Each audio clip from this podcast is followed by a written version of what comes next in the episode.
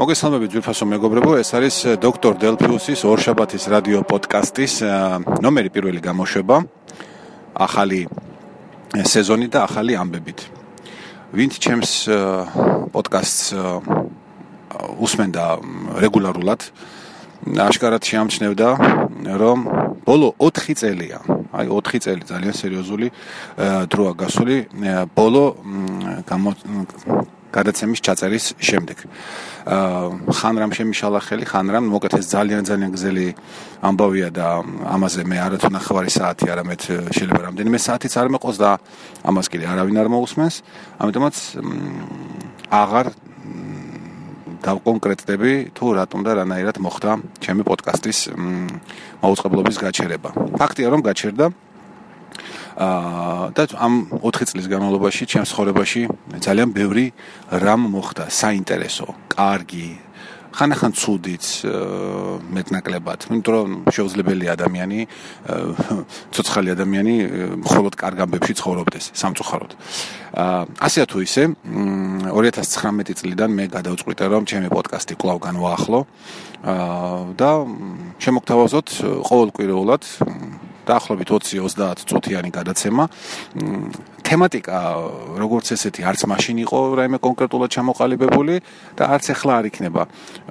ძირითადად ვისაუბრებ იმის შესახებ თუ კვირს კვირიდან კვირამდე რა მოხდა ჩემს გარშემო ან ჩემს სამსახურში ან ჩემი ოჯახის წევრებთან დაკავშირებით, პირადად ჩემთან დაკავშირებით, თუ რაიმე საინტერესო იქნება სოფლიო ამბებიდან ტექნოლოგიური ამბებიდან რა თქმა უნდა ძირითადად, იმიტომ რომ მე სხვა ნაკლებად მაინტერესებს, ამაზეც აუცილებლად ვისაუბრებ და მოგიყვებით ხოლმე.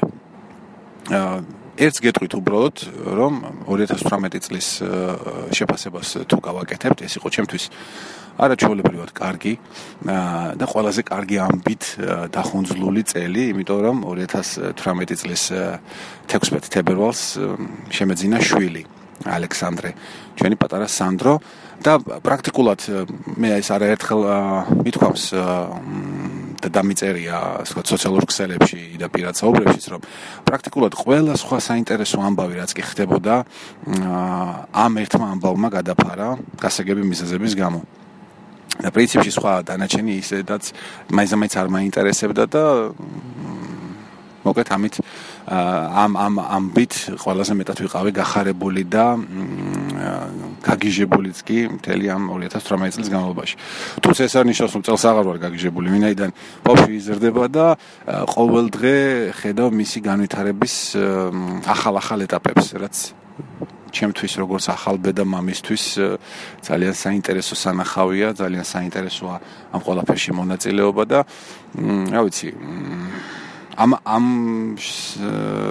ამ მიმართულებითაც ვისაუბრებ ხოლმე რასაკვირველია პოდკასტში გაგაცნობთ სანდროს აა იმიტომ რომ არის ესეთი პრაქტიკა რომ პოდკასტერები ხან-ხან თავიანთ შვილებსაც ჩაწერენ ხოლმე. მართალია ხა სანდრო სულ 11 თვისაა და რამდენიმე დღის და საუბარი ჯერჯერობით არ შეუძლია მაგრამ ვფიქრობ რომ როდესაც ამის შესაძლებლობა მიეცემა თავის კრიტიკულ აზრებსაც აუცილებლად გამოთქვამს ამა თუ იმ საკითხთან დაკავშირებით. დღევანდელი პოდკასტი არის ძალიან სპონტანური და მე ერთი ახალი წესი გადავწყვიტე რომ გამოვიყენო. შევხედოთ თუ რამდენად კარგი იქნება ასეთი ვარიანტით პოდკასტის ჩაწერა.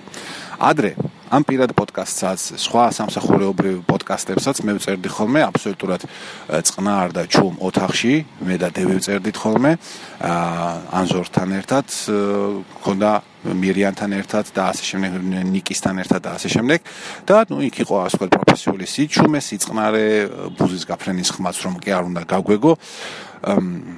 მე გავირჩიე ხა ალტერნატიული ვარიანტი. მე ხალხი ვარ სამსახურში, ილიას სახელმწიფო უნივერსიტეტში, შიდა ეზოში. აა და ამ საუბართან ერთად იწერება ის ფონური ხმა, რაც მე გარშემო ასე ვთქვათ, რაც ჩემს გარშემო ისმის. ეს არის ეგ რიქით სადღაც პატარა ცეხია ეგრეთ წოდებული, სადაც რაღაცას ხერხავენ, იმის ხმა ისმის, ისმის გუგუნი ავტომობილების მოძრაობის ჭავჭავაძის გამზირიდან. და საინტერესოა ზოგადად, როდესაც ამ სტერილური სიჩუმის ნაცვლად ადამიანი საუბრობს და ჩანს რომ ეს ადამიანი არ იმყოფება რაღაც აკვარიუმში, არამედ ის იმყოფება ცოცხალ ქალაქში, აა სადაც რაღაც ხდება, რაღაც ხმებია, რაღაც მოძრაობა და ფიქრობ რომ შესაძლოა თქვენთვისაც საინტერესო იყოს ასეთი ვარიანტი. თუ რა თქმა უნდა ეს ფონური ხმა ძლიერ არ შეგვაწუხებს პოდკასტის მოსმენისას. ნახოთ, შევხედავ ამ ამ ვარიანტს როგორი იქნება. აი ხა მე ვწერ და ჯერ წარმოდგენაც არ მაქვს პრინციპში როგორი ხარისხით ჩაიწერება ეს ხმა. წერ ტელეფონზე ტელეფონის მიკროფონის საშუალებით, ანუ აი ძალიან ძალიან ისეთი მაქსიმალური გაუბრალოება მინდა რომ გავაკეთო. იმიტომ რომ ძალიან ხშირად არის ისეთი სიტუაცია, შეიძლება სადღაც მოხდე, ან თქვენიც რომ ვინც არის ის გეტყვით რომ მე ფეხით ბევრი სიარული მიყვარს და ქუჩაში გადაადგილებისას ხანახან შეიძლება რაღაც ძალიან კარგი აზრი ან წინადადება ან რაღაც მოგივიდეს თავში რომელიც შეიძლება შემდგომში პოდკასტში საინტერესო მოსასმენი იყოს ხო და ახლა წარმოიდგინეთ რომ პოდკასტის ნაწილი ჩაწერილი იყოს სტერილულ სიჩუმეში, რაღაც ნაწილი სადღაც ქუჩაში ხმაურში, ეს უკვე გარკვეულ დისბალანს შეიტანს თლიანად გადაცემის ხარისხში. ამიტომაც შეიძლება რომ ყველაფერი აი ესეთ ხმაურში ჩავწეროთ, აი გესმით ახლა რაღაც იქ ხერხი მუშაობს და რაღაცას ხერხავს. მე პრინციპში არ მიშლის ხელს, თავარია თქვენ მსმენელებს არ შეგიშალოთ ხელი. დღევანდელი გადაცემა იმის გარდა რომ აი ესეთი ექსპერიმენტული ვარიანტით იწერება ასევე ყოველგვარი წინა შემზადების გარეშე გადავწყვიტე რომ ჩამეწერა ანუ თემები როგორც ესეთი რაიმე კონკრეტული არ გამაჩნია და რატომ არის არის ესეთი მომენტები, როდესაც მე ხანდახან მიჭირს სამუშაოს დაწყება, იმიტომ რომ მინდა რომ ყველაფერი იდეალურად იყოს მოწესრიგებული, ყველა ინსტრუმენტი ხელსაწყო რაღაცა გვერდით წინ დაწყობილი და აი მე დაიწყო ეს სამწუხაროდ პრაქტიკაში რეალობაში ხშირად არ ხდება. ამის გამო ყოფილა დასაკმაოდ ხშირად სიტუაციები, როდესაც მე ძალიან დიდი ხანი არ დამიწყია რაღაცის კეთება, ნებისმიერ საქმეზე აქ საუბარი, იმის გამო რომ ჩამithulia რომ რაღაცა იდეალურად არ არის. და მე ეს გაწელილა, გაწელილა, გაწელილა და გადავადებულა და მე საბოლოო ჯამში გაუქმებულა კიდეც ვინაიდან უკვე აზრიც ეკარგებოდა რაიმეს კეთებას. ამით აქედან გამომდინარე იმისთვის რომ ასეთი ვარიანტი არ განმეორდეს ამ პოდკასტის ჩაწერის შემთხვევაშიც. გადავწყვიტე ეს უბრალოდ დავიწყო, ჩავწერო რაც არის, როგორც არის. და მე უკვე შევხედავთ. ამ კვირაში მოხდება რაღაც ამბები, თან ხომ არ გავიწყდებოთ რომ გადაცემა ორშაბათობით გამოვა ყოველთვის, ну დღის რომელიღაც მონაკვეთში, აა და მოიცავს მთელი გასული კვირის ამბებს, სიტუაციებს, სიახლეებს და ასე შემდეგ და ასე შემდეგ. ამიტომაც აქინა გამომდინარე დღეს მაქვს ეს სპონტანური ყოველგვარი მომზადების garaშე ჩანაწერი.